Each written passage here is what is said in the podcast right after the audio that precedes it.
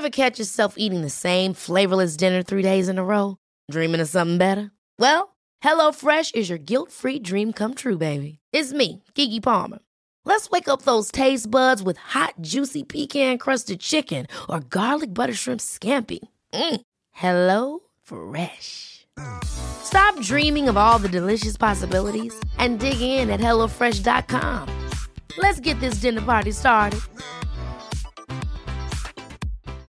Millions of people have lost weight with personalized plans from Noom, like Evan, who can't stand salads and still lost 50 pounds. Salads, generally, for most people, are the easy button, right? For me, that wasn't an option.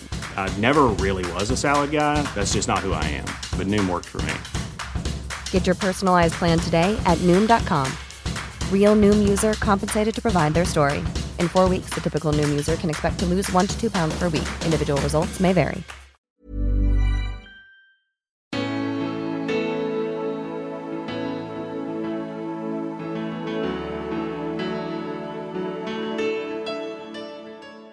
Frågan ekar ut i evigheten Vem vet om de kommer komma ihåg oss?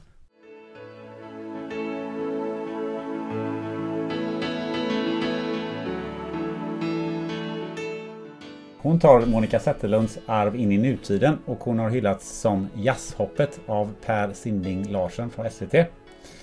Eh, sen debutsingeln Var är vi nu som släpptes förra året så har hon prisats för sitt låtskrivande men också för det engagemang som genomsyrar hennes tonsatta vardagsbetraktelser.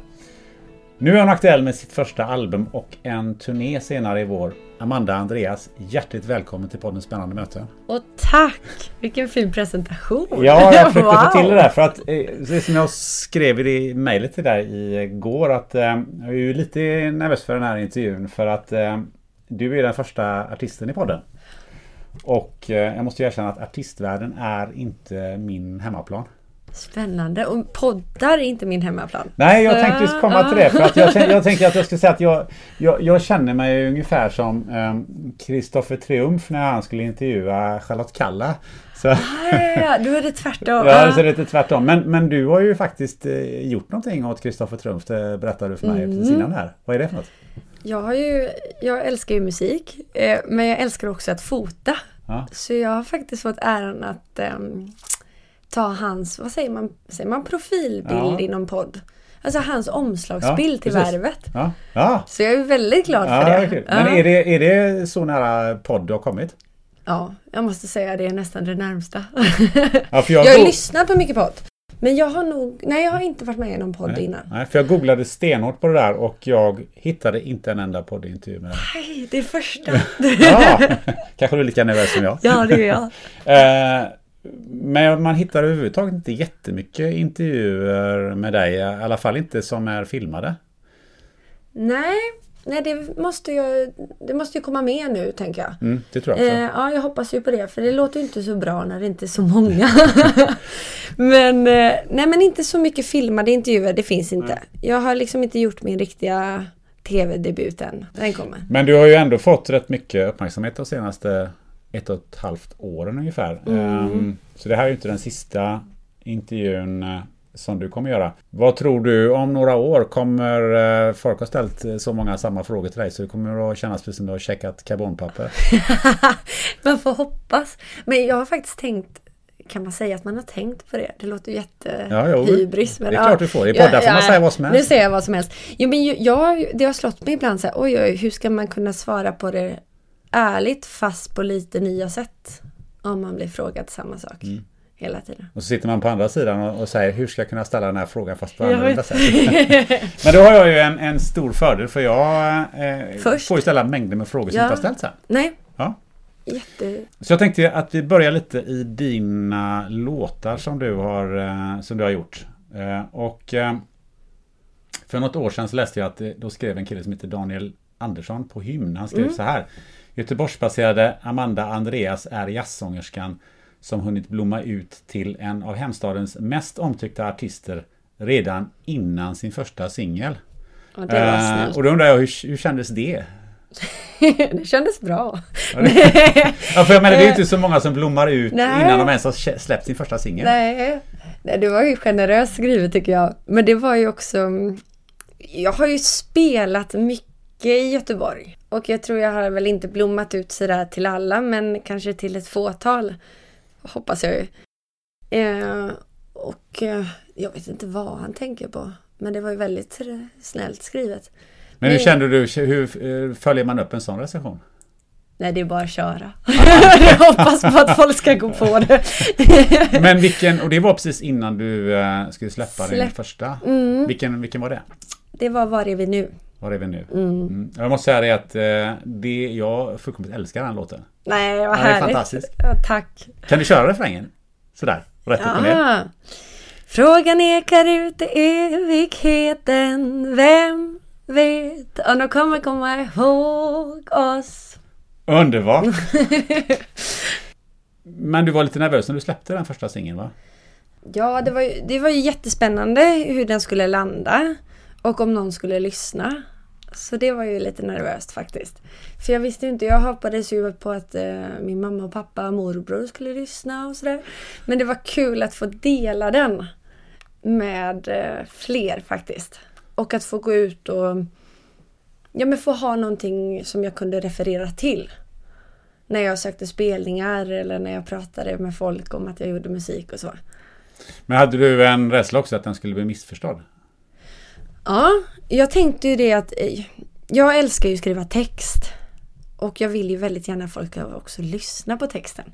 Så jag var lite rädd att folk skulle bara lyssna på ja, musiken i det, den meningen, liksom ackorden och melodin och att den är ju ganska check. Eller check ska man väl inte säga, men den är ju ganska sådär, eh, ja, eh, glad i melodin. Men jag har ju ändå ett seriöst budskap med den. Så jag hoppades på att folk skulle ta sig den tiden. Och med facit i hand, hur, äh, hur känner du att den reaktionen har varit? Åh, spännande. Um, Jo men den har varit bra. Jag tycker ändå att jag har fått frågor om min text och det är jag glad för. Och att jag har... Att folk förstår att jag skriver både text och musik. För jag var också rädd att folk skulle tro att ah, hon kanske skriver någon fras där och där. Men jag har ju skrivit all text och all musik. Och det är viktigt för mig. Men vad är det som är så viktigt att eh, man också uppfattar texten och budskapet? Eh, varför är det så viktigt för dig? Ja men det är ju det jag skapar. det är grunden. Ja, jag tänker, ja, jag tänker att jag vill ju att... säga något med den texten mm. såklart. Och det är därför jag skriver låtar. För jag har någonting jag vill säga och det är väl alltid så oavsett om man håller tal eller skriver en låt eller en bok så hoppas man ju att det når fram så att den inte misstolkas och ja. Nej men jag tänker så här, mm. att, eh, nu utgick jag lite grann från ja. mig själv. Jag är, eh, lyssnar inte alltid så noga på texten utan jag går igång på en låt och tycker att det här, jag får känslor av en låt men jag behöver inte lyssna exakt på texten. Men jag fattar inte hur folk kan göra så. Tänkte jag säga. Det är inget, inget ont men det, det fascinerar mig för det är så många som inte lyssnar på texten i musik. Och då tänker jag, men det är ju hälften. Det, är ju, det ligger så mycket i texten. Men ja, jag tror att vi, men det kanske är så vi lyssnar på musik nu. Ofta kanske vi lyssnar på låtar med engelsk text eller någon annan eh, eller text i något annat språk och man kanske inte värderar den så högt. Jag vet inte men för mig när jag lyssnar på musik så tycker jag nästan att texten är det viktigaste.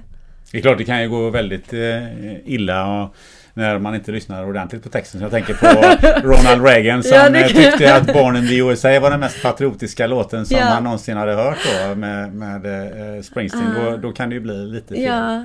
Jag tänkte på Springsteen förresten. Har du någon uh. relation till Springsteen? Nej, min man älskar Springsteen. Men jag har nästan ingen eh, relation. Jag, vi kom in gratis. Vi, det var jättekonstigt. Vi gick utanför Ullevi när han spelade. Eller för något år sedan. Och um, min man ville liksom bara vara där i närheten för att höra lite. Och så kom det ett par och gav oss två biljetter. Och gav er ja, två biljetter? Ja, till ståplats! Och jag blev helt chockad så vi gick in och såg hela konserten. Det händer ju Nej, inte. Nej, det händer inte. Så det är min relation då.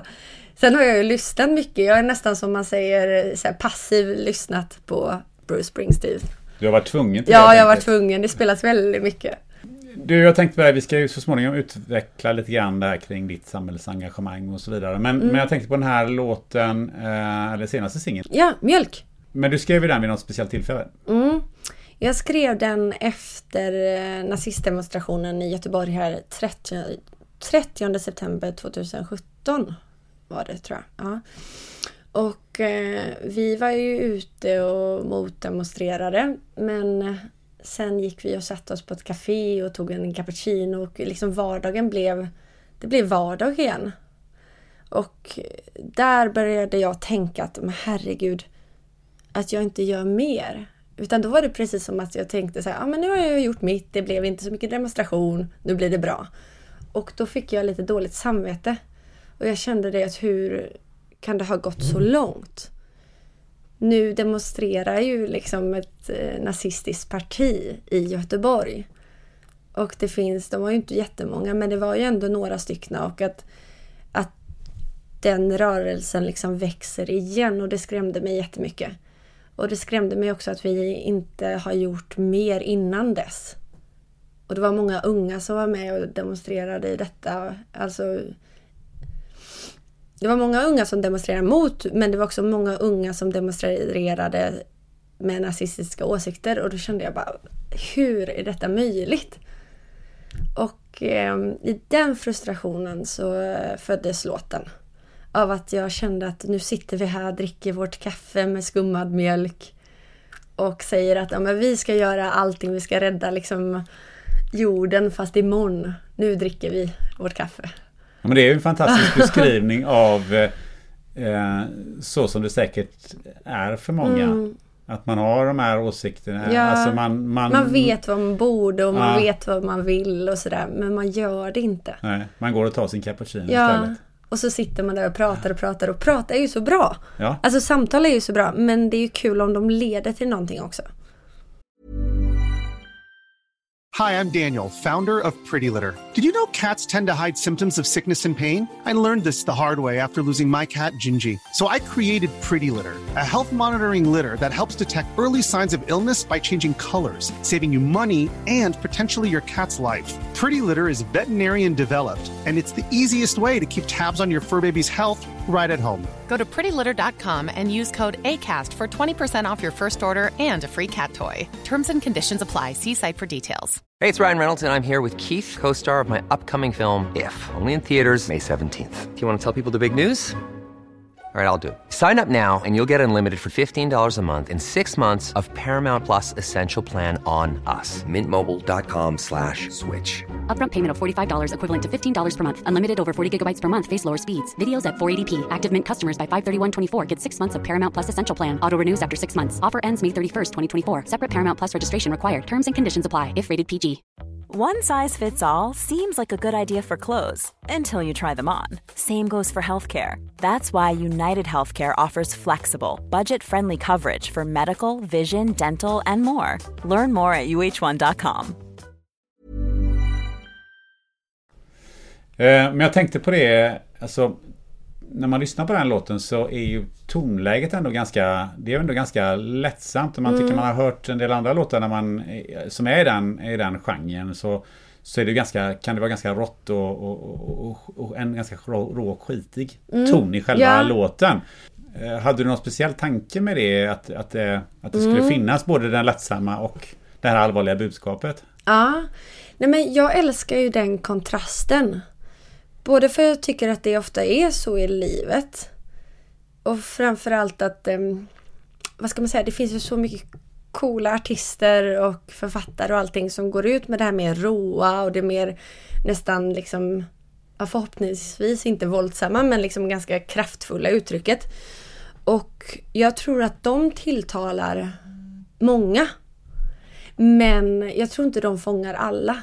Utan jag är lite mera jag kanske också riktar mig inte bara till de som har förstått och är med och står längst fram i motdemonstrationerna och på barrikaden utan jag också riktar mig till kanske någon granne som inte säger så mycket eller någon, någon eh, moster som har bra åsikter men kanske inte lyfter dem och sådär. Så jag ville nog med den här kontrasten också fånga människor som kanske inte sätter på en revolutionär låt varje dag utan sätter på lite jazz eller visa och sen fångas av texten efterhand. Fantastisk förklaring och det är underbart för jag, det här har brytt min hjärna nämligen. Sen jag hörde den här låten. Jag tycker det är ett underbart att få den här eh, den, den förklaringen till eh, den här låten och överhuvudtaget hur, hur du har tänkt där. Du med det här och, och, och sjunga och så har du, har du liksom har du alltid, har du alltid hållit på med det? Ja, det skulle jag säga. Eh, jag har ju haft turen att växa upp i en familj som både lyssnar och eh, framför väldigt mycket musik. Men du var lite, ett tag var du lite inne på det med musikalartisteri och så vidare. Ja, jag aj. Helt fel. Vadå aj, aj, aj? Vad menar du med det? Nej, det är inget för mig. Eh, Varför men, det? Nej, men jag älskar eh, viss musikal fortfarande. Men jag insåg, jag gick ju fem år efter gymnasiet och Mm. utbildade mig till eh, musikalartist. Men insåg där någonstans i mitten att nej men det här passar inte mig alls. Och jag ska inte säga det på den för jag drömmer fortfarande om en musikalkarriär. Men jag också inser att um, ja, ja, alla musikaler det, det lockar mig inte alls. Utan några musikaler lockar mig mycket och några roller. Men ju längre jag hade gått i de här utbildningarna så förstod jag att jag måste också ha ett utrymme att tänka och skapa fritt. Jag gillar inte alls att eh, bara bli någon slags docka som går med på att ja, jag kan vara den här prinsessan eller den här, så, vad ska man säga, massa konstiga roller i musikal tycker jag. Och jag, jag hoppas det ändras nu. Jag hoppas framförallt att kvinnorollerna håller på att ändras. Men när jag gick ut då för ungefär sju, åtta år sedan då det kändes inte som min grej. Och jag, eh, jag har hört sådana här liksom skräckexempel på audition när man kommer och så ska man ha typ sporttopp på sig för de ska se hur smal man är eller hur man ser Okej. ut. Jag tror att det här är skräckexempel, jag tror inte det här förekommer här liksom. Men jag kände inte riktigt att jag kunde stå för allt inom musikal. Faktiskt. Och så kände jag också inte helt krasst att jag skulle vara så himla bra i en ensemble. Jag skulle vara helt okej. Men jag är nog bättre om jag får en liten roll som är lite kufig eller att jag får någonting att spela på liksom. Ja, hur ser den rollen ut om du skulle gå till, komma tillbaka till musikalen? Jo, men det finns den, ju massa bra roller. Jag vill ju fortfarande, så jag säger ju lite emot mig själv för att om jag skulle få erbjudande att vara med i en riktigt bra musikal så hade jag ju tackat ja vilken dag som helst. Men jag skulle vilja ha... Ja, för det första skulle jag vilja göra revy. Och sen så... För jag, jag tycker där finns det också någon slags eh, blandning mellan musik och dans och ett samhällsengagemang. Och det lockar mig. Eller att det är liksom lite sådana här texter, typ lite Hasse och texter som har ett budskap. De jobbar ju lite samma då. Eh, glad musik men ett vasst budskap. Och det söker jag mycket mer än en kärlekshistoria. Ja, det ska bli spännande att se om vi får tillbaka det på Ja, och vad det- nu säger de vad det nej, vi tar aldrig in henne. vad, det, vad det blir för någonting. Eller så ringer de dig imorgon, vad vet jag. Ja. Eh, Du, men annars eh, musik, vad, vad lyssnar du på för musik? Nej, jag lyssnar ju väldigt smalt alltså. Eh, jag lyssnar ju på Barbro Hörberg, Monica Zetterlund, Bo Sundström, Lisa Ekdahl. Det är typ allt. Det är det. det, är, Ja. det, är, det är, oftast så brukar ju eh, eh, musiker som du, de brukar som lyssna på precis allt som går Nej. att lyssna på. Och sen så, Nej. nej. Du, har liksom, du har liksom smalat in det. Jag tycker, Ja. det, jag tycker det, är rätt, det, är rätt, det är rätt skönt att ha en... Om man säger att jag har en artfrände på andra sidan, fast jag lyssnar inte på samma musik. Men, Nej. men jag är ju också insnöad på eh, typ Springsteen och Ja. li- lite Lundell och, och lite det där. Och det blir... eh, Ja, mina barn kan ibland beskylla mig för att jag lyssnar på gubbrock och sådär. Och det kan Vi har ligga stagnerat, Ja. det är bara så enkelt. Eh, Men du har ju lite Mm. förebilder inom musiken. Du sa ju Monica Zetterlund eh, precis nu. Vi Mm. kommer in på henne alldeles strax. Men du har även, eh, har jag läst mig till, Victoria Tolstoy och, och Mm. Safong. Vad, vad, vad är, varför är de förebilder? Jag tycker de är häftiga. Jag tänker på Åsa Fong då som jag jag såg henne i Miss Saigon för länge sedan när jag fortfarande hade min musikaldröm då. Och bara kände wow vilken, eh, vilken person och vilken artist på det sättet. Och blev helt fängslad och sen så har jag följt henne och sett när hon gjorde Edith Piaf. Eller hon har ju jobbat med Edith Piaf-tolkningar. Sen 90-talet hörde jag eller något sånt där. Ja, och jag tycker hon gör det med en sån pondus. Och hon visar på att musikal kan vara någonting annat. Jag tycker hon visar på att musikal kan vara det som som jag längtar efter, som jag vill att det ska vara. Och för mig tror jag det, det har en stor betydelse för jag är lite liksom ledsen över att jag har fått så dålig musikalbild. så jag letar hopp på något sätt. Och då tycker jag att Åsa Fång inger ja. hopp att musikal kan vara något eh, väldigt fantastiskt. Och Victoria Tolstoy? Ja, hon eh, lyssnade på väldigt mycket som tonåring. Och det är väl hon lite som har lett mig in i jazzen. Förutom Monica Zetterlund då. Mm. Nu tjatar jag redan. Ja, ja, ja, ja, hon kommer. jag lovar. Lugn, hon kommer. Men eh, Victoria Tolstoy, jag vet att jag eh, var på konserter med henne när jag var kanske runt 14-15. Och det blev en sån skön kontrast för då hade jag ju mycket bredare musikintresse. Men då började det liksom smalna till när jag hade mm. lyssnat på henne sen. så att jag har väl henne lite att beskylla för det. Men jag tycker att eh, ja, hon är häftig och hon är fantastisk att se live också och höra live. Och så har vi Monica Zetterlund. Ja, ja. Ja, ja. Där har vi henne. vad är, berätta nu, vad är, hur kommer det sig att kärleken ah, har uppstått till Monica Zetterlund och det, det hur är den? Ja, den är stark. Berätta. Berätta. den är stark och långlivad. Eh, nej, men jag älskar hennes sätt att, eh, att frasera. Och det har också eh, betytt jätte, jättemycket för mig och hjälpt mig mycket för jag har bland annat eh, tidigare haft problem med mina stämband under den här musikalutbildningstiden. Och då var det så tufft att inse för många musikaler bygger på de här långa höga bältingtonerna. Och sen hittade jag Monica Zetterlund där det musikaliska ligger i hur hon fraserar hennes eh, rytm, hennes sätt att uttrycka ord. Så jag tror att hela hennes eh, sätt att sjunga har även påverkat hur jag sjunger. Och vad jag tycker är viktigt. Och där kommer det här vi pratade om texten innan. Mm. Där kommer det också fram att jag hör vad Monica sjunger. Och det är inte så med alla sångare. Nej, det är ju sant. Och jag, jag, meningen i texten påverkar också det musikaliska och jag älskar det. Så jag har, jag har hittat en trygghet i Monica och också ett, en tro på att jag kan bli sångerska.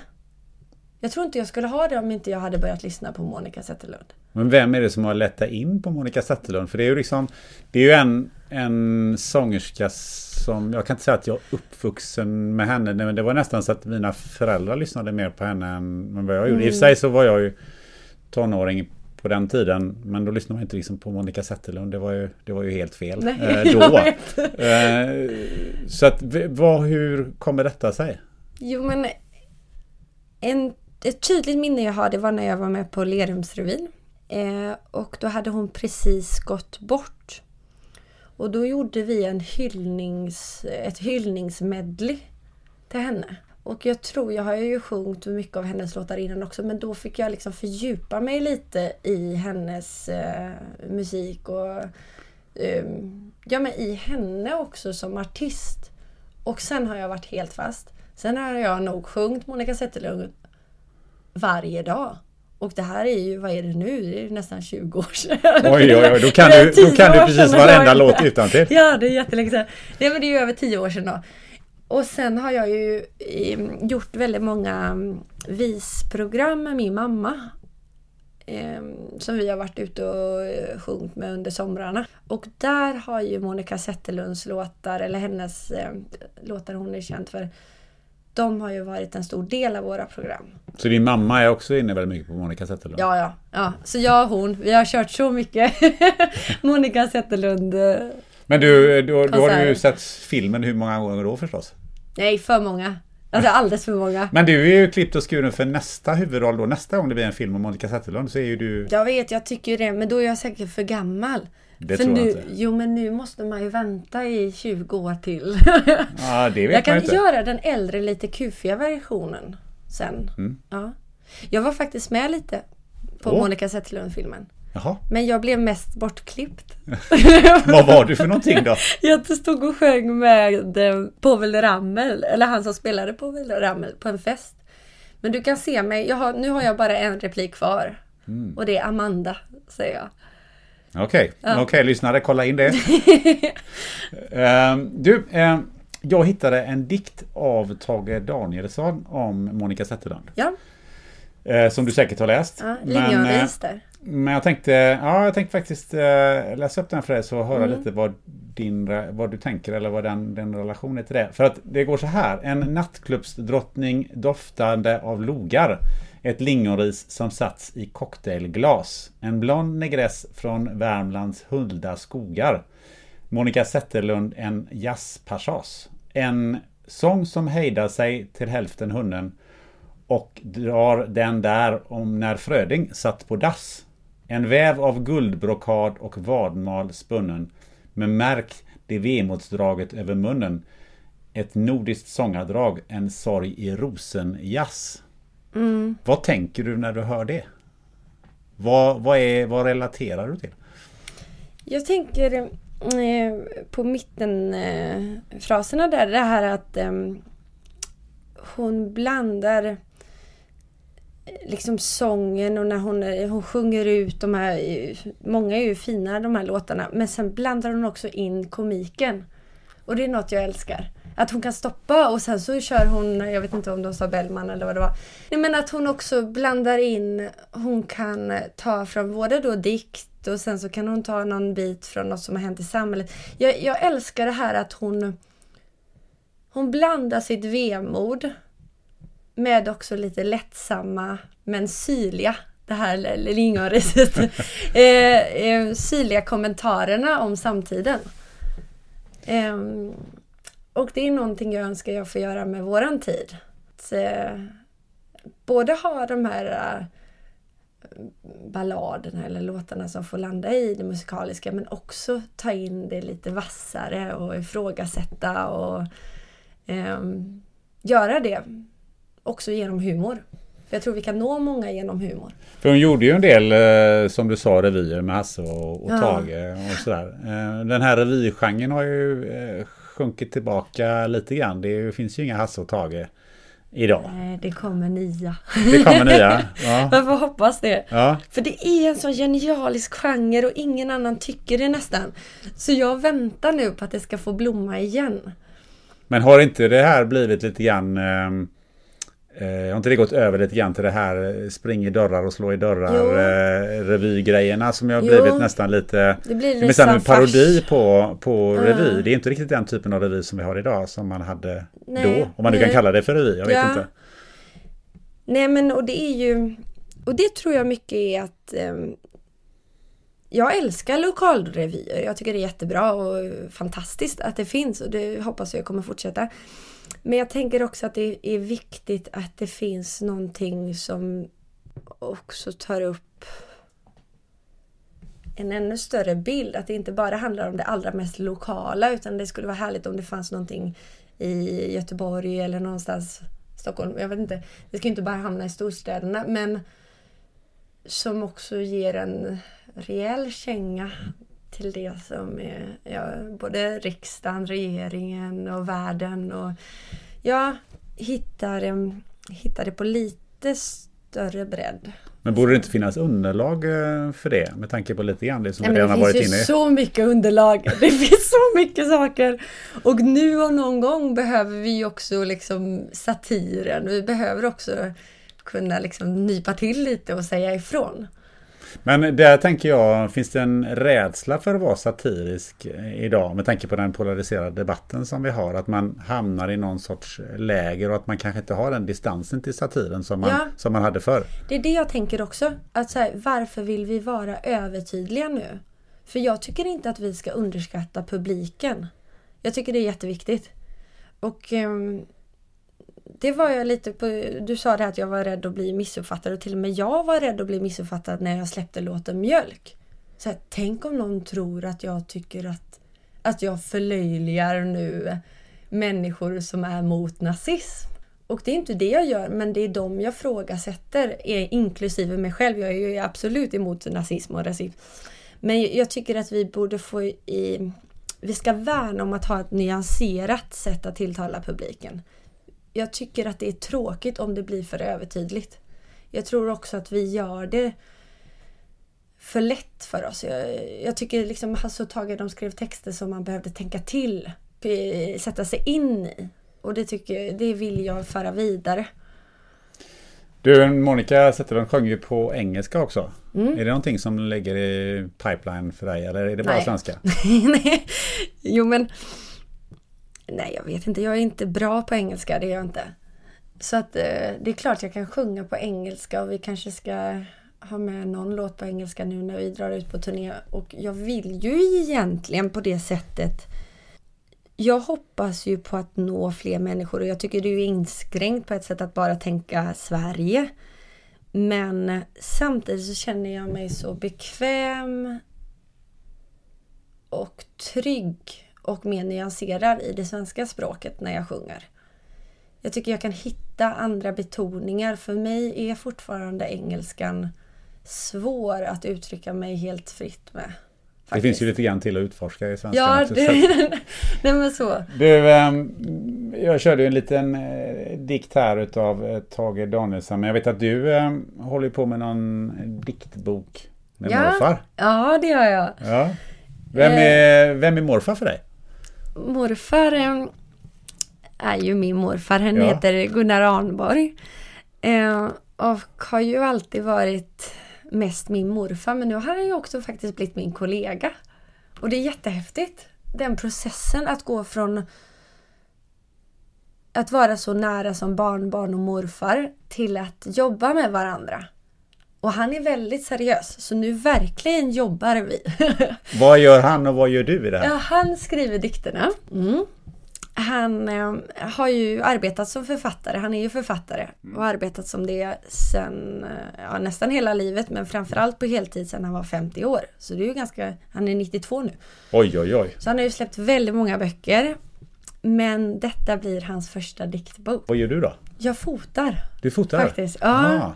Så vi har hittat ett samarbete där han, där jag gestaltar inte alla hans dikter, för han har skrivit väldigt många dikter. Men några av hans dikter i fotografi. Och när kommer boken ut? Vi hoppas i vår. Spännande. Mm. Och det är många sidor nu. Det är 300 sidor mer. Nej, men det har också varit en så spännande process. För att just att lära känna morfar, inte bara som kollega utan också genom de här dikterna. Det har ju också gett en, en tyngd. För han skriver ju om ja, det är ju så många olika dikter och så många olika ämnen men det är också... Ja, jag känner verkligen att jag har lärt känna honom på ett annat sätt genom dikterna. Och det har även... Eh, det gav även lite upphov till eh, min första låt Var är vi nu? För att vi... Eh, den handlar ju mycket om tiden och tiden som rinner ut och vad blir det av oss när vi inte finns mer? Kommer någon komma ihåg oss? Och jag har känt att jag och morfar, vi har faktiskt lite samma behov. Eller vi har samma frågeställning, att eh, vad blir det av det här sen? Och det är klart att eh, det kanske är ännu mer aktuellt för honom, han är 92 år. Och jag känner det att för han tror jag den här diktboken betyder mycket, för han vill nog också lämna efter sig sina tankar och värderingar och försöka påverka även till nästa generation och generationen efter det. Det är ju lite intressant för det blir två olika perspektiv då ja. på, på egentligen ja. samma grundfråga. Så att ja. säga. Jag tänkte på det, ehm, vi var inne på morfar och, och, och släkt och sådär. Men du är ifrån Lerum? Ja. Född och uppvuxen i Lerum? Ja. Och då var de första tio åren, hur då i Lerum? För dig? Uh, jo men de var bra. De var jättebra. Jag har ju haft väldigt tur. Jag har haft en jättebra uppväxt. Och med ett starkt eh, gäng och vi har kompisgäng som fortfarande håller ihop. Mm. Det är väldigt häftigt. Så jag tror att Lerum för mig gav nära, nära vänner som jag har fått dela både dagis med och nu vuxet liv. Sen ehm, var jag ganska snabb med att eh, när man väl fick välja då, när vi fick välja gymnasium då var jag väldigt fast med att jag ville gå i Göteborg. Då kände jag, nej men nu har jag gjort Lerum här. men eh, jag trivdes bra och det var ju allt med det här med kulturskolan. Spelade jag i hela uppväxten i Kom det hemifrån då att du, Ja. att du har mamma och pappa som också Ja. är i den genren? Jag tror mamma satt mig på kulturskolekö när jag var två eller något sånt där. Oj! Ja, när hon var väldigt så fast. Så hon ska gå piano och sång. Och det fick jag sen fortsätta med tills Det var, jag var ingenting du, 20. pro- det var inget du protesterade mot heller sådär? Jo, i omgångar. Det gjorde du? Jättemycket, ja, ja, ja. Men hon lyckades få mig att fortsätta. Men det var ju mutor och det var allt möjligt. Det var... Fast sen hade jag jättebra lärare också. Så det gjorde ju att jag stannade. Ja. Men nu, innebandy och fotboll och sådana där grejer, det var liksom aldrig Nej. någonting som eh, lockade? Jag tror inte jag riktigt fick det valet. För jag tyckte ju innebandy och fotboll var superkul på skolan. Men det blev liksom inte som ett alternativ att börja i det. Nej. Men nu, så som du sitter här och nu, så känner du att det var rätt okej att de tvingade dig lite Ja, grann det där är och- helt okej. och De är förlåtna. De är förlåtna. och det värsta är ju nu att man kommer ju kanske göra likadant. Jag vet inte. Om man lyckas med det. Jag tyckte ändå det var bra gjort av dem att lyckas få mig att fortsätta. Ja. Ja, annars brukar du, åtminstone i tonåren, så brukar man ju slå bakut och göra Ja. precis tvärtom. Ja, nej, nej, nej. nej. Men då var det lite grann också kanske när du kommit upp i den åldern att du hade viss framgång med det du gjorde. Ja, Alltså du kände att du ja. var bra på det där och då blir det ju Ja. gärna en, en positiv ja eh, men det feedback. gav ju också tror jag en identitet. Men sa du att du gick gymnasiet i eh, Göteborg. Göteborg, ja. Eh, vad, vilket gymnasium då? Sigrid Rudebecks gick jag på. Det är lite där eh, MVG-gymnasiet. Jag vet. Hade du MVG i allting eller? Ja, nej det var ett ämne jag inte hade MVG i när jag gick ut högstadiet. Vad var det får man fråga? Franska. Och min mamma är fransklärare. Oj då. Ja, det var jättekonstigt. Det var en plump, plump i protokollet där. Ja. Men ehm, Men vad kommer det sig att du Ja. valde det gymnasiet? För det är ju liksom inte det där allmänna gymnasievalet direkt utan det är Nej, jag- lite speciellt. ja, jag tror ehm, att det var för, ehm, för jag gillade saker som är gammalt. Gamla grejer gillar jag. Vad var det för gamla grejer på det Nej, men gymnasiet? hela skolan är gammal. Eh, det är väl igen lite så Hasse Tage, Monica Zetterlund, fast jag är ännu äldre. Men det var liksom de här gamla korridorerna och det var liksom lite gammaldags. Fast sen var det ju progressivt och hade liksom nya uppdaterade eh, åsikter, tack och lov. Jag gillar ju inte så mycket gamla åsikter men men det var en viss känsla på det gymnasiet tyckte jag. Och det var väldigt personligt. Det var ju små klasser och ja, rektorerna var närvarande och jag kände att här kan jag nog trivas. Det här med det gamla om man tänker på Monica Zetterlund och, och, och så vidare. Att, det, att finns det en trygghet i det? Att eh, man tycker Ja. om sånt som är gammalt, det har varit, det har eh, det, det, finns en viss, det finns en viss fasthet i det. Sen behöver inte åsikterna vara Nej, de samma. Finns det någon, finns det någon sån koppling där? det låter jättemossigt att jag ska tycka om det. Nej, men jag, ja, det gör det säkert. Det finns säkert en, en trygghet. Sen på något sätt har jag tänkt att det finns, det här kanske inte alls stämmer men det är någonting som fascinerar mig. Det känns som att det finns en kvalitet. Att det inte bara är så här, nu kommer vi på den här, det här och så slänger vi det. Alltså, det- var någonting att allt... Det var hållbart på ett sätt.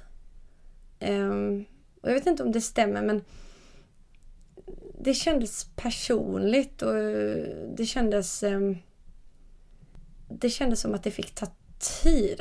Nu blir det väldigt flummigt men...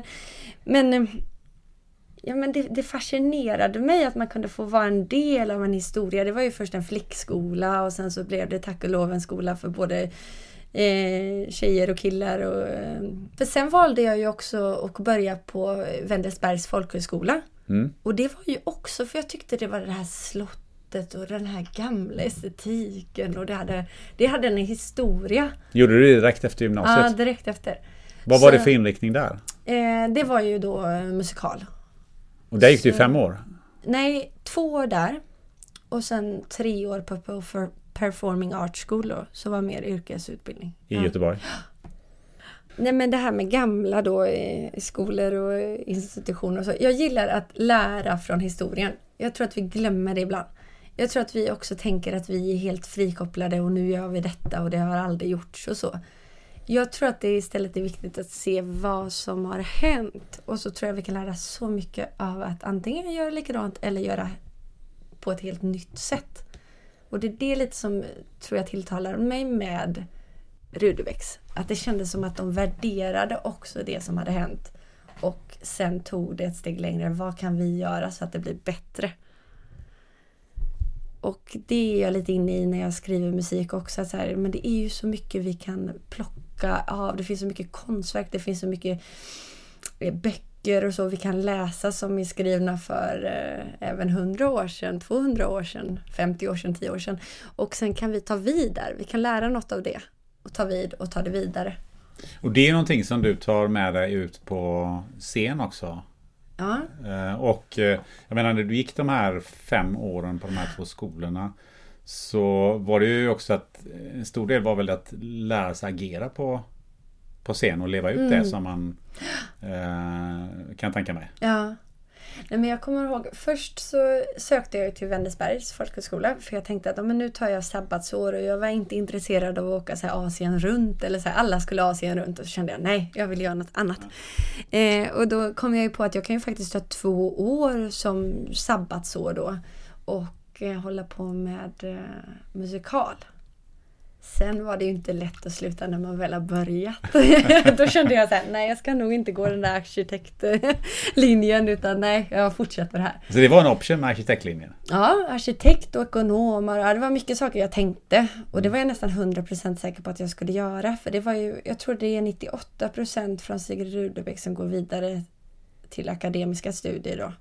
Så jag tänkte att vara en av de två procenten som inte gör det, det går inte. Utan det får jag allt börja med sen. Och sen tyckte du det var ganska coolt att vara en av de där två procenten? Ja, eller? sen började Men det tog lång tid. Jättemånga år. Det är ju egentligen först nu som jag insett att nej, men jag kommer nog inte utbilda mig till något annat. Utan jag fortsätter nog här. Jag tror det tog tio år eller sju år eller något sådär. Du, innan vi går vidare och pratar om hur det är att stå på scen och ditt samhällsengagemang och nytt album och stundande turné och lite mm. teater ska vi snacka om också. Mm. Så ska vi släppa fram poddens eh, nya partner. Och det är nämligen dags för lite tips om ekologiskt kött från Gröna Gårdar. Så jag tänkte bara fråga dig, eh, handlar du kött ibland? Nej.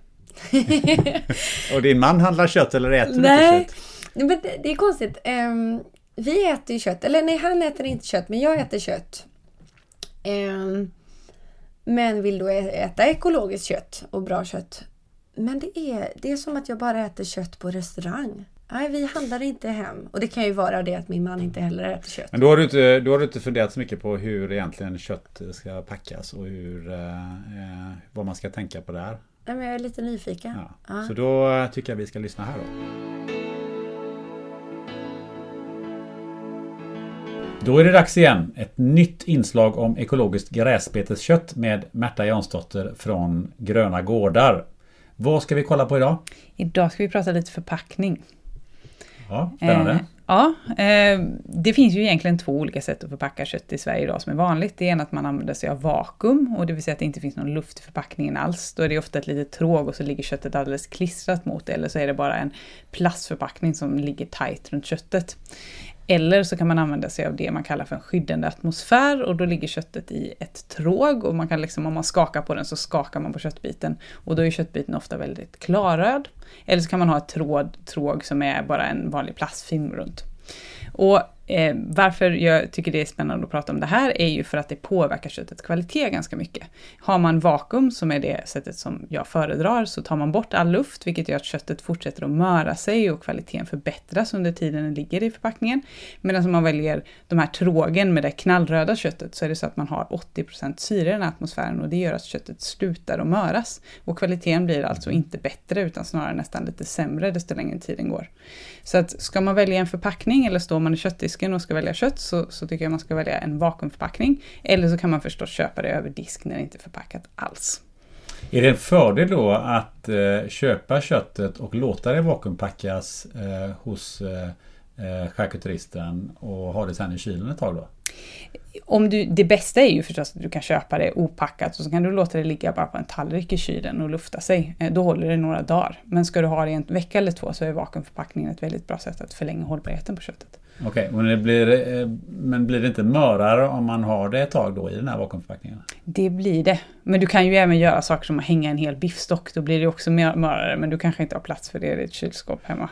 Nej, inte riktigt. Inte än i alla fall. Eh, har vi gjort några fler inslag här så eh, kanske kommer jag det? kommer nog till det. Och det här köttet, det köper man var någonstans? På grönagårdar.se såklart. Grönagårdar.se var adressen. Mm. Gå in där. Så, nu vet vi lite mer om vilken viktig roll förpackningen spelar när man väljer kött. Så nu ska vi gå tillbaka till de stora scenerna och eh, strålkastarna. Ja. Eh, jag tänkte prata lite grann med det här med utmaningen med att stå på scen. Alltså har du haft den här scenskräck och nervositet och sådär? Känner du det varje gång eller är det någonting som är, inte existerar för dig? Jo, det existerar. Eh, jag tror att ehm, den nervositeten har ändrats. Så att den, eh, den har liksom ändrats med åren. Först när jag gick eh, och utbildade mig var jag livrädd för att stå på scen. Framför allt när jag spelade teater. Jag hade jätte, jättestor respekt för det. Och jag har ju fortfarande en respekt men ehm, jag tror att jag kan hantera det på ett annat sätt nu. Så när jag går ut på scen och ska ha en konsert så jag är nervös men jag är nog väldigt också väldigt fokuserad. Och... Um, är det lite sådär att man måste vara lite ja, nervös? Ja, det tror jag är bra. Annars gör man inte sitt bästa Nej, nej. Jag tror nervös och fokuserad i alla fall. Det, behöv, det behöver i alla fall jag vara. Jag kan inte vara för bekväm. Jag måste ha någonting som gör att jag är på tårna. Annars blir jag inte bra.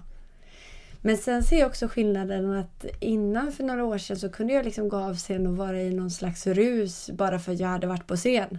Nu är jag ju mycket hårdare mot mig själv. Att jag vill ju att det ska också ha gått bra på scen. Men det är lite knark över det också va? Ja, ja, det är det. Men, men det, kommer, det är ett... Eh, ja, jag får inte lika mycket kickar. Jag får liksom kickar när det har gått riktigt bra, men inte bara att gå ut på scen faktiskt längre. Så det måste vara lite större scen och lite fler människor och lite um, mer edge varje gång. Är det så? Nej, nu säger jag nej. Men, men det, det, handlar inte så mycket om hur många människor och hur stor scen egentligen. Men eh, jag behöver känna att jag har presterat bra. Och eh, ja, jag ska försöka att inte bli för hård mot mig själv i det. För jag vill ju fortfarande ha en kick och jag vill ju känna lyckan och ruset efter jag varit ute på scen. Men jag tror att jag eh, förväntar mig nu att jag ska göra bra ifrån mig. Faktiskt. För du har ju en rätt så avslappnad, tycker jag, uppfattar jag som ganska cool. Uh alltså du är ganska cool på scen. Det känns sådär väldigt naturligt.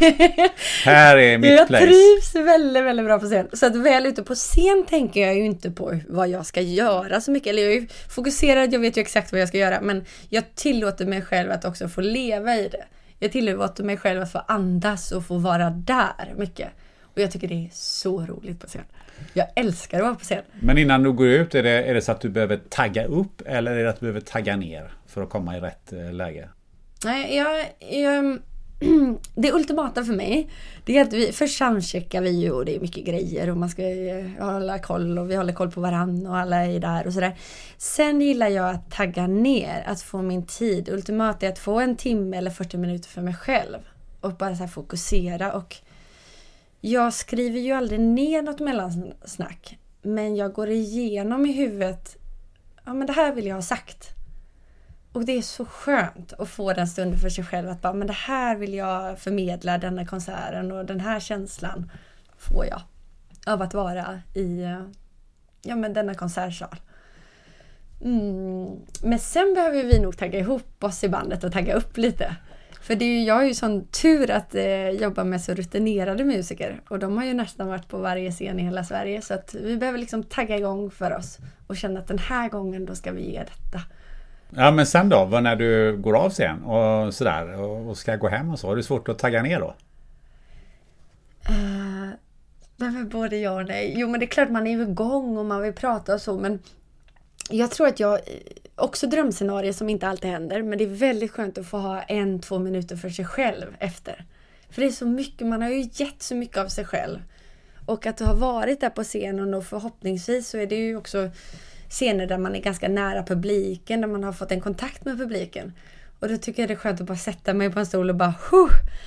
Men sen är det om man får gå ut till eh, publiken och kanske känner någon eller får fira med bandet. Det, då är det ju svårt. Då. Man kan inte, jag kan knappt somna där den kommande timmen eller två. Nej, det måste ju vara jättesvårt. Ja. Nej, men då är det skönt att få hänga kvar lite faktiskt. Eh, vi pratar ju om scen och eh, sånger och den typen av framträdanden. Men jag vet ju att du har ju även varit på en annan scen rätt så mycket, nämligen teaterscenen. Mm. Kan du berätta lite det? Hur hamnade du där? Ja men där hamnade jag ju för att jag sökte eh, musikal. Och insåg snabbt att just det, musikal är inte bara musik utan det är också teater. Och först var jag livrädd för teaterdelen.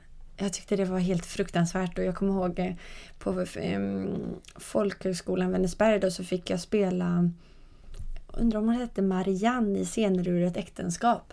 Oj, ja, det låter ja, tungt. Ja, det var jättetungt och jag var i 19 år och skulle spela den här rollen. Och nu i efterhand är det lite också komiskt. Vad visste jag då om äktenskap på det sättet? Men jag skulle i alla fall in i den här rollen och jag kommer ihåg jag våndades så mycket och det var en... Ja, i, på den tiden för mig var det en jättestor uppsättning och det var en stor scen och sådär. Och jag tyckte det var fruktansvärt och um, jag var så rädd men det gav ju också en närvaro på scen, tror jag.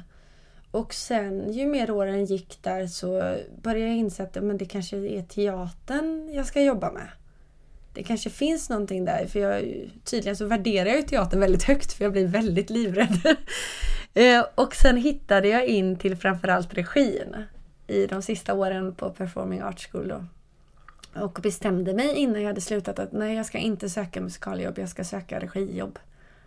Så det var på den banan jag kom in i det hela. Men den hösten så satte jag igång med Folkteatern och Stadsmissionen. Då. Just det, för Stadsmissionen tänkte jag komma in på. Ehm, för du gjorde ju flera föreställningar där. Mm. Men eh, den jag tänker på det var någonting, en som heter Röst. Ja. Eh, kan du berätta lite om den? Ja. Det var ju efter några år, jag undrar när vi började med Röst, om det var 2014 kanske. Ehm, då hade jag jobbat eh, både som regissör och eh, skådespelare i några år. Och ehm, fick förfrågan av eh, Folkteatern och Stadsmissionen att leda vidare deras verksamhet. Eller liksom verkligen sätta igång den.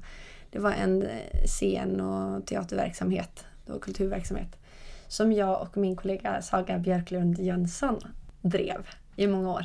Och då hade vi tidigare gjort eh, föreställningar som byggde på manus och det var pjäser. Det var en av Lars Norén som heter Kliniken och så var det Bänken av Roland Jansson och Happyland av Kent Andersson. Vi hade liksom gjort de här stora eh, teaterföreställningarna. Och så kände vi, nej men är detta, fyller det sitt syfte eller gör vi bara massa teaterpjäser för att göra teaterpjäser? Och utifrån Stadsmissionens värdegrund då så byggde vi en på ett sätt en ny form av teater. Där vem som helst fick vara med. Så vi hade ingen fast ensemble utan vem som helst fick komma och vara med. Och detta ledde ju till att första föreställningen så var 86 personer på scen. Oj! Ja, och vi var mellan 6 år till 90 år. Så det var ju superhäftigt. Och um, så, ja, så det var så det började och vi, hela föreställningen byggde på en fråga Vad skulle du säga om alla lyssnade?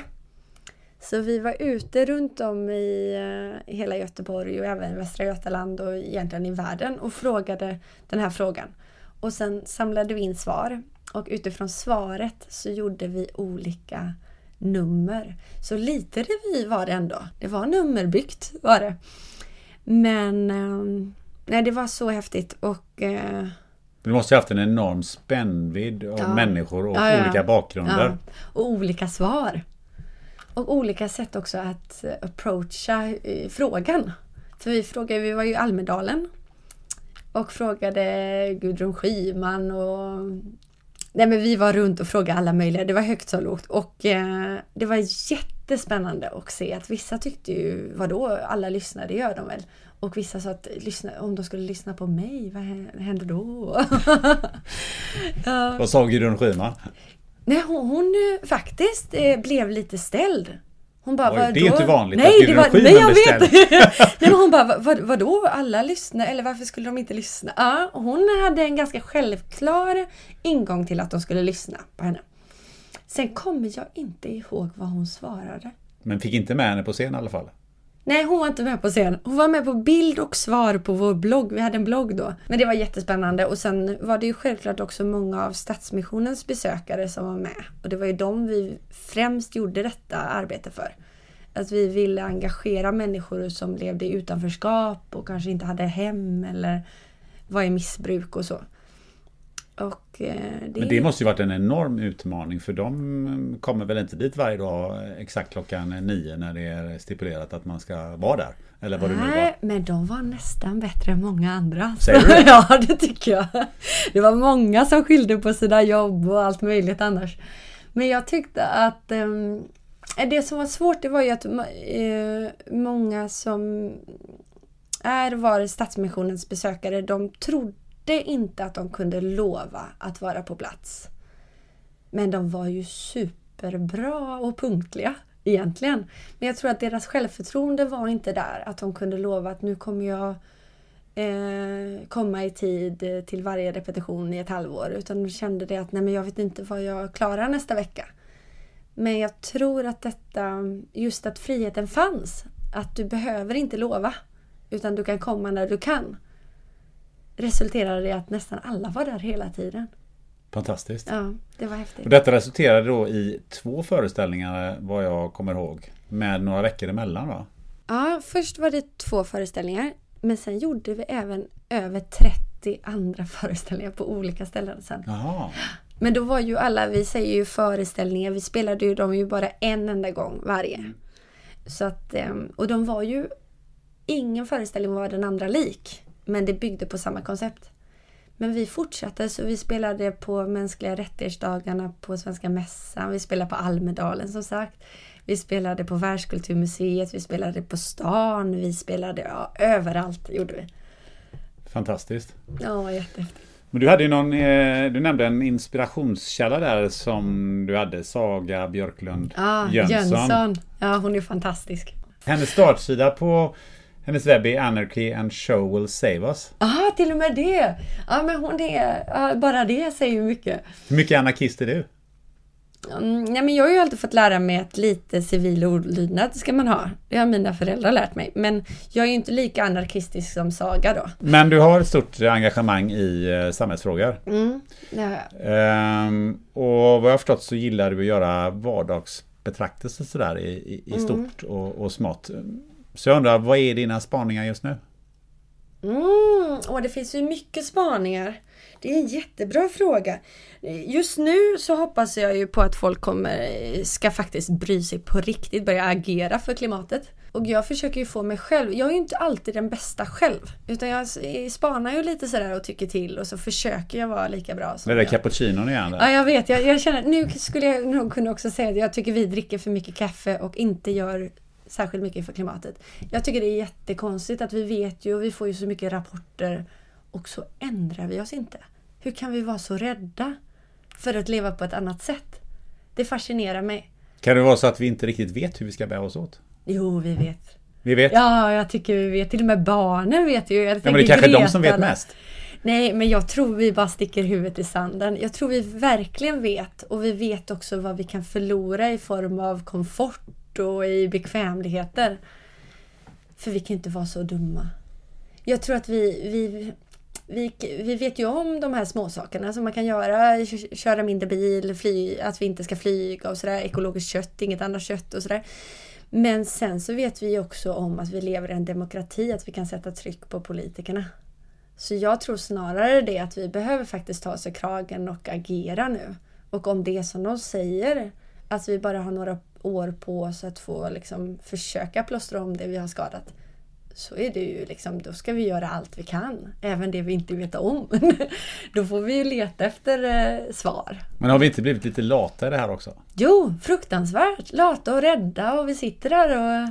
För jag tänker på en demokrati Eh, vi sitter ju där och klagar mm. över våran cappuccino eller om ja. det är nu våra, vårat rödvin och så, ja. och så säger vi att politikerna är inte mycket att Nej, och då har vi tappat tycker jag. För jag, jag blir så rädd. Jag, jag såg ju någon artikel där det stod så här Löfven kör över oss. Och då känner jag, åh nej, så där får vi inte heller göra med vår demokrati. Det är som att vi lägger allt ansvar på politikerna och glömmer av att de är ju valda av oss, folket. Och jag blir livrädd när vi när vi bara sätter all vår tillit till dem. Vi är ju en del. Och där tror jag till exempel nu lära av historien då, men jag tänker det att innan när demokratin kom upp då kom ju också, det kom ju med alla de här folkrörelserna. Till exempel eh, ja, arbetarrörelsen och nykterhetsrörelsen som jag är en del av och så var det väl kyrkan då. Och där fick vi också lära oss, eller där förstod de ju redan på sent 1800-tal att vi måste också folkbilda oss. Vi måste också vara bildade. Vi måste läsa på, vi måste träffas och diskutera. Och det tror jag vi har tappat lite. Eh, vi tror ju att bildning är att se saker på Facebook och känna efter. Hur känner vi för den här faktan? Jag tror vi måste skärpa oss och eh, ta tillvara på demokratin. För jag är ju fortfarande, jag tror ju på demokratin och jag tror på att vi ska värna om den. För den är lite under attack nu? Ja, och jag har många unga människor som, inte, som eh, unga och äldre såklart, men också unga som inte har en tilltro till demokratin. Och där tror jag att vi är en fara. För det finns ju sådana som säger att man inte kan lösa eh, klimatfrågorna med hjälp av demokrati.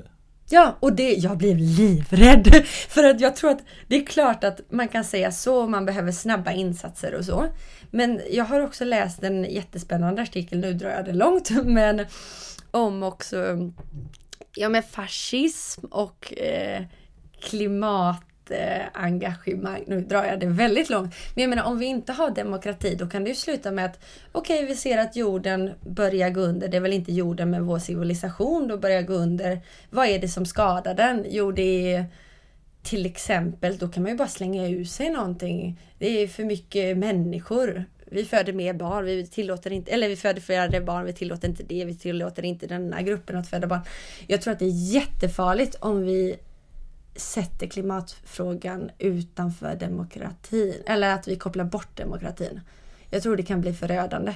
För man har ju använt rädslan för undergång eller rädslan för en klimatkatastrof tidigare i historien. Och det har lett till fruktansvärda saker. Så jag tror vi måste ta klimatfrågan på det största, största, största allvar. Engagera oss så att politikerna får en anledning att eh, ta rätt beslut och sen gör vi detta tillsammans. Eh, det är vad jag tror. Hur, hur tar du med dig det här och ditt samhällsengagemang och det här som vi har varit inne på några gånger nu. Hur tar du med dig det ut in, eller in i ditt nya album? Det är mycket förankrat i mitt album. Jag har ju bland annat titelspåret då som Havet. Ehm, eh, som en eh, låt heter och även som hela albumet heter. Det handlar ju precis om detta. Vad är det vi lämnar efter oss till nästa generation? Och önskan av att vi ska faktiskt kunna bära nästa generation vidare. Och kunna ge dem de bästa förutsättningarna. Det är en mardröm om vi bara lämnar efter oss en helt eh, ja men alltså en katastrof till värld och låter våra barn och barnbarn få handskas med detta. Så som havet handlar det jättemycket om den önskan att vi ska kunna ge nästa generation ett stort och öppet och friskt hav. Berätta lite mer om själva projektet att göra ett album. Det låter som en ganska, ganska lång tid man ja. behöver för att göra ett album. Ja. Och vad, vad, jag som inte är i, som jag nämnde från början då, i artisteriet och artistbranschen. Hur, hur börjar man och varför tar det så himla lång tid? Det är en jättebra fråga. Jag tror säkert man kan göra ett album jättesnabbt. Men jag har både valt och så har det blivit så att det här har fått ta väldigt lång tid. Och det har varit skönt för mig. Ehm, det började med att jag eh, skrev låtar faktiskt till eh, föreställningar. Bland annat röst. Och eh, fick känna det att oj, det här blir ju en låt. vad, vad händer nu? och så fick jag upp ehm, ja, intresset för att framföra dem även själv. Att inte bara ha dem i föreställningar utan också vad händer om jag går upp på scenen och sjunger detta? Och då slog det mig att då kunde jag skriva ännu mer privata tankar och ehm, känslor. Och um, sen började jag spela och det kanske var lite det Daniel Andersson syftade på. Jag spelade väldigt, väldigt, väldigt mycket i Göteborg även innan jag hade släppt någonting mm. överhuvudtaget. Så jag tog varje chans att få spela. Och jag älskar ju att vara på scen så att jag kände, nej men nu kör jag på. Och så fick jag testa mina låtar på scen. Så det är många låtar som jag har känt efterhand, nej men den tar jag inte med på albumet. Och sen var det andra som jag kände, ja men det här var bra, det, det, det sparar jag. Och eh, på så sätt så började jag liksom bygga en låtbank av egna låtar. Och sen så träffade jag på en spelning Simon Ljungman då, som är producent. Och som är i frontfigur i Augustifamiljen. Ja men exakt. Exakt. Så han var på en spelning på Oceanen, kommer jag ihåg. Och sen frågade han, får jag producera ditt album? Och då kände jag, nej, nej, album är för stort, du får producera min EP. för jag, jag tyckte, nej, det här kommer kosta för mycket. Men sen övertygade han mig och sa det, nej, vi ska göra ett album, Amanda. Din musik passar i albumform. Och eh, därefter så började vi spela in. Det är ett fantastiskt betyg. Ja, ja det är jättestort. Det känns eh, så häftigt. Jättehäftigt och eh, han har också verkligen förstått min musik. Och är ju fantastiskt musikalisk och eh, även som vän. Det har varit jättekul att göra det tillsammans. Och jag hoppas ju att vi gör nästa album också. Men, ehm, nej men och sen har jag eh, skrivit parallellt några nya låtar och vi har mm, som sagt tagit tid på oss och hittat liksom det här soundet. Hur ska det låta på inspelningen? För det är lite annorlunda än vad det kan låta live. Live är vi ju ganska fria.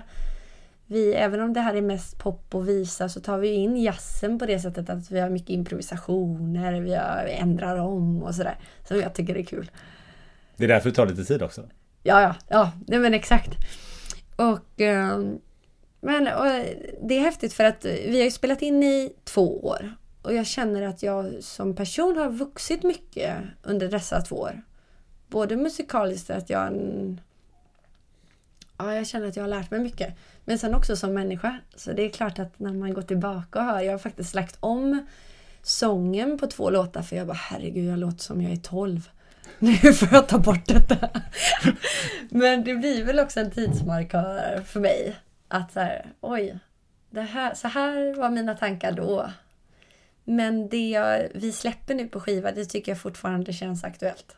Jag såg något inlägg på Facebook där du var djupt eh, involverad i tankar eller med dig själv om i vilken ordning du skulle lägga låtarna på, ja. på det här albumet. Och då frågar jag då som inte kan någonting om det här överhuvudtaget. Varför tänker man så väldigt mycket på ordning eh, av låtarna? Vad, vad, spelar det för roll? Jo, för mig spelar det så mycket roll. Och det är det som är det värsta, att jag tror att många som kommer lyssna på min musik, de kommer ju lyssna på Spotify. Och de kommer ju få upp det i en helt annan ordning. För de kommer få upp den som är mest populär.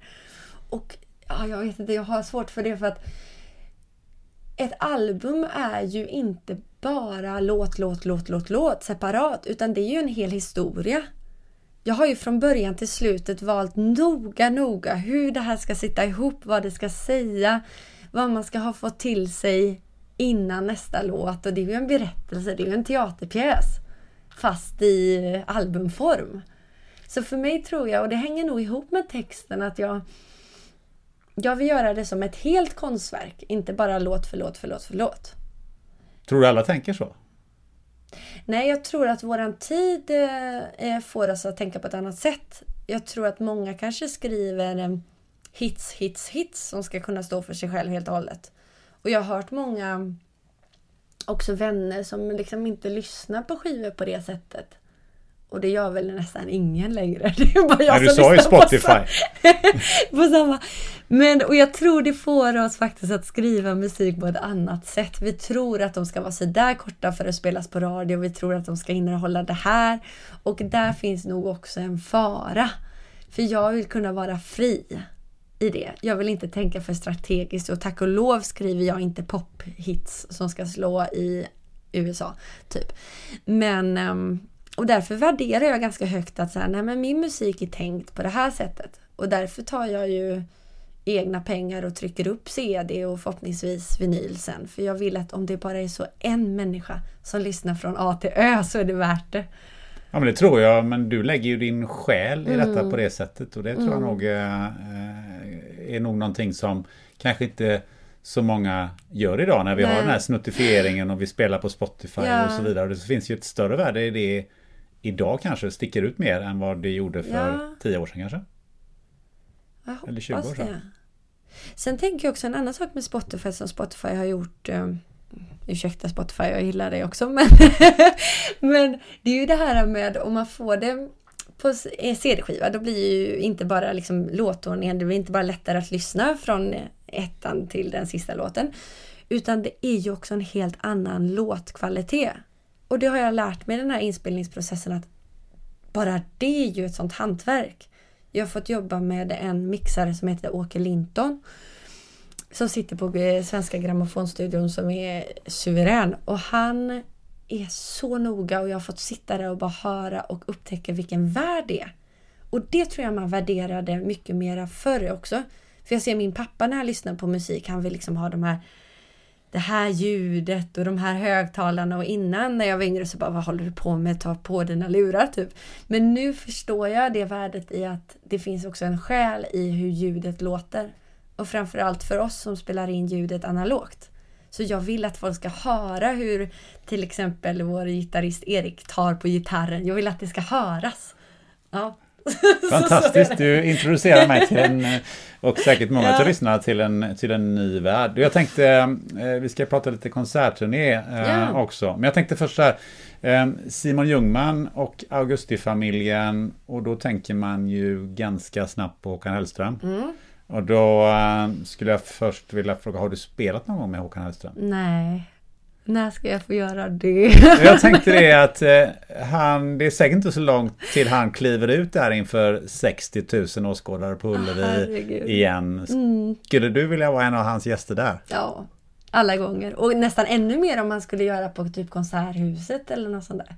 Jag längtar tills han blir lite äldre och han kanske kör mer den här äh, hans visbetonade låtar på Konserthuset. Då, Så Konserthuset Då- smäller till och med högre än Ullevi.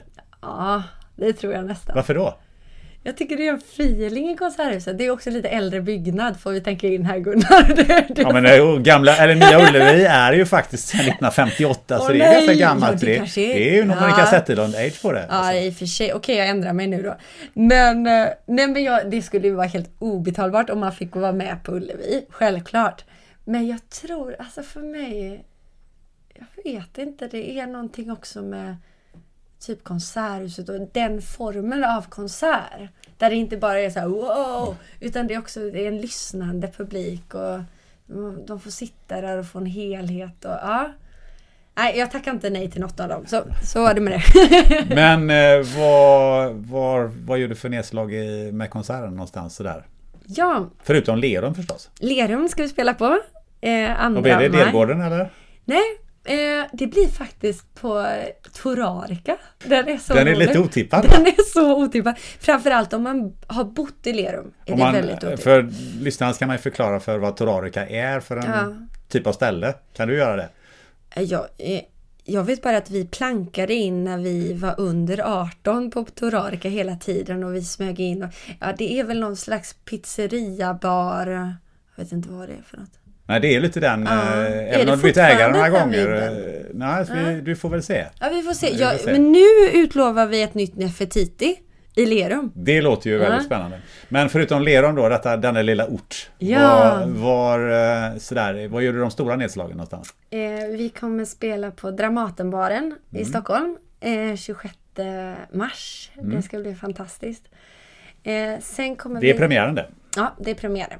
Sen ska vi spela i Örebro på ett ställe som heter Mm. Stå. Eh, sen spelar vi Mölnlycke kulturhus Mm. 4 april.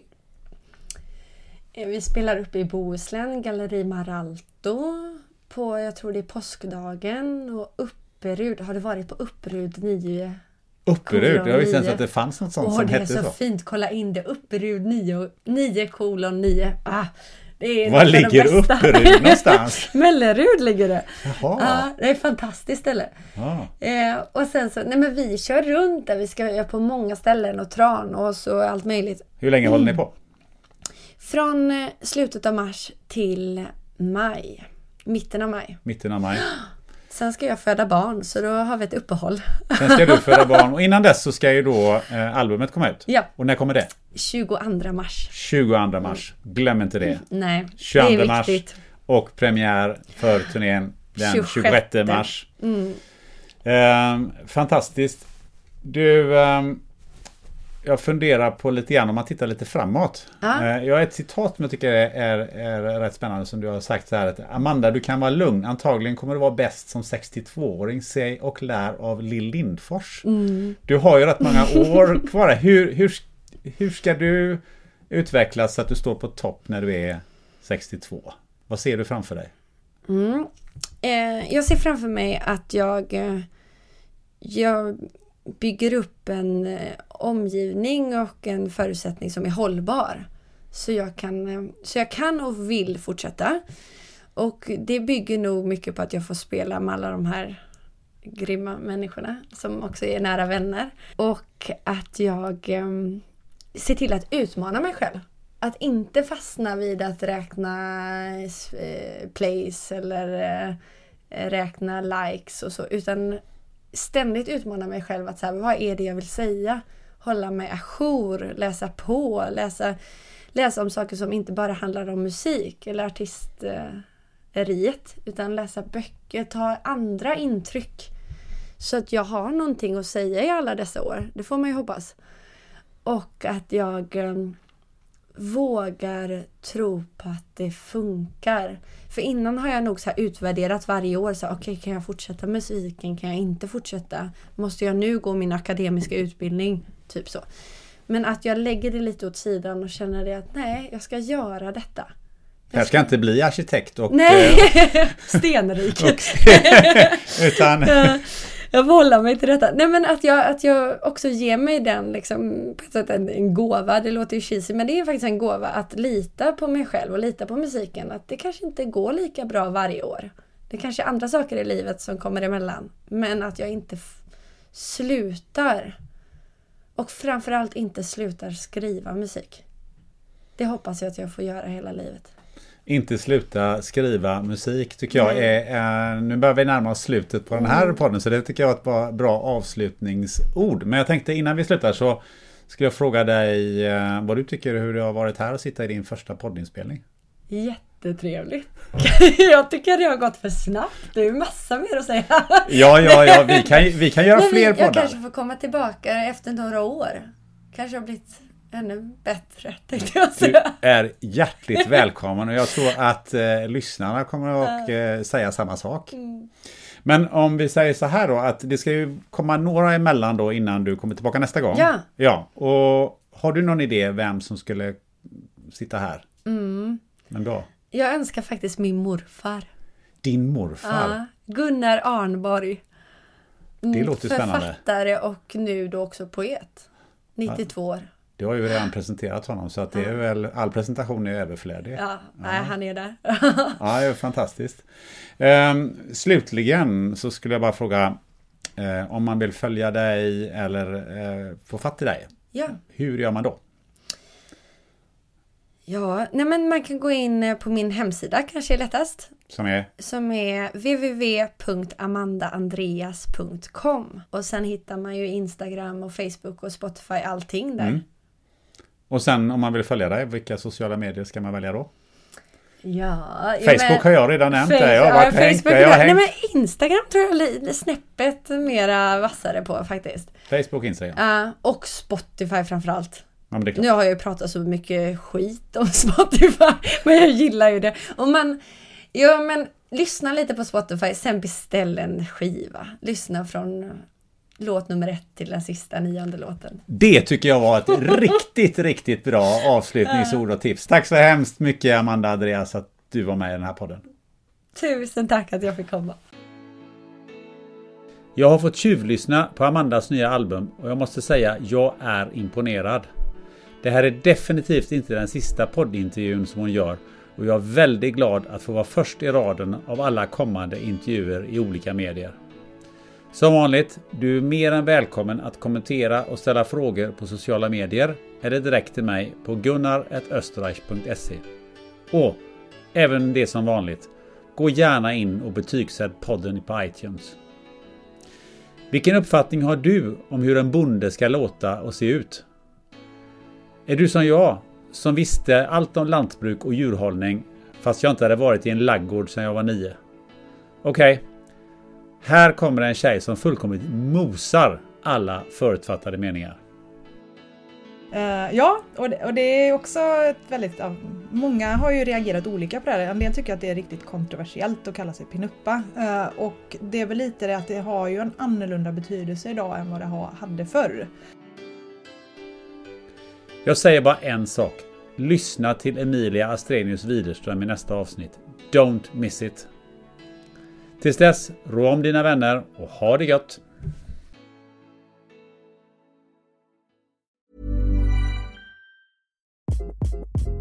Hi, this is Craig Robinson from Ways to Win, and support for this podcast comes from Invesco QQQ, the official ETF of the NCAA. The future isn't scary. Not realizing its potential, however, could be. Just like on the recruiting trail, I've seen potential come in many forms as a coach. Learn more at Invesco.com slash QQQ. Let's rethink possibility. Invesco Distributors, Inc. Hold up. What was that? Boring. No flavor. That was as bad as those leftovers you ate all week. Kiki Palmer here, and it's time to say hello to something fresh and guilt-free. Hello Fresh. Jazz up dinner with pecan-crusted chicken or garlic butter shrimp scampi. Now that's music to my mouth. Hello Fresh. Let's get this dinner party started. Discover all the delicious possibilities at hellofresh.com.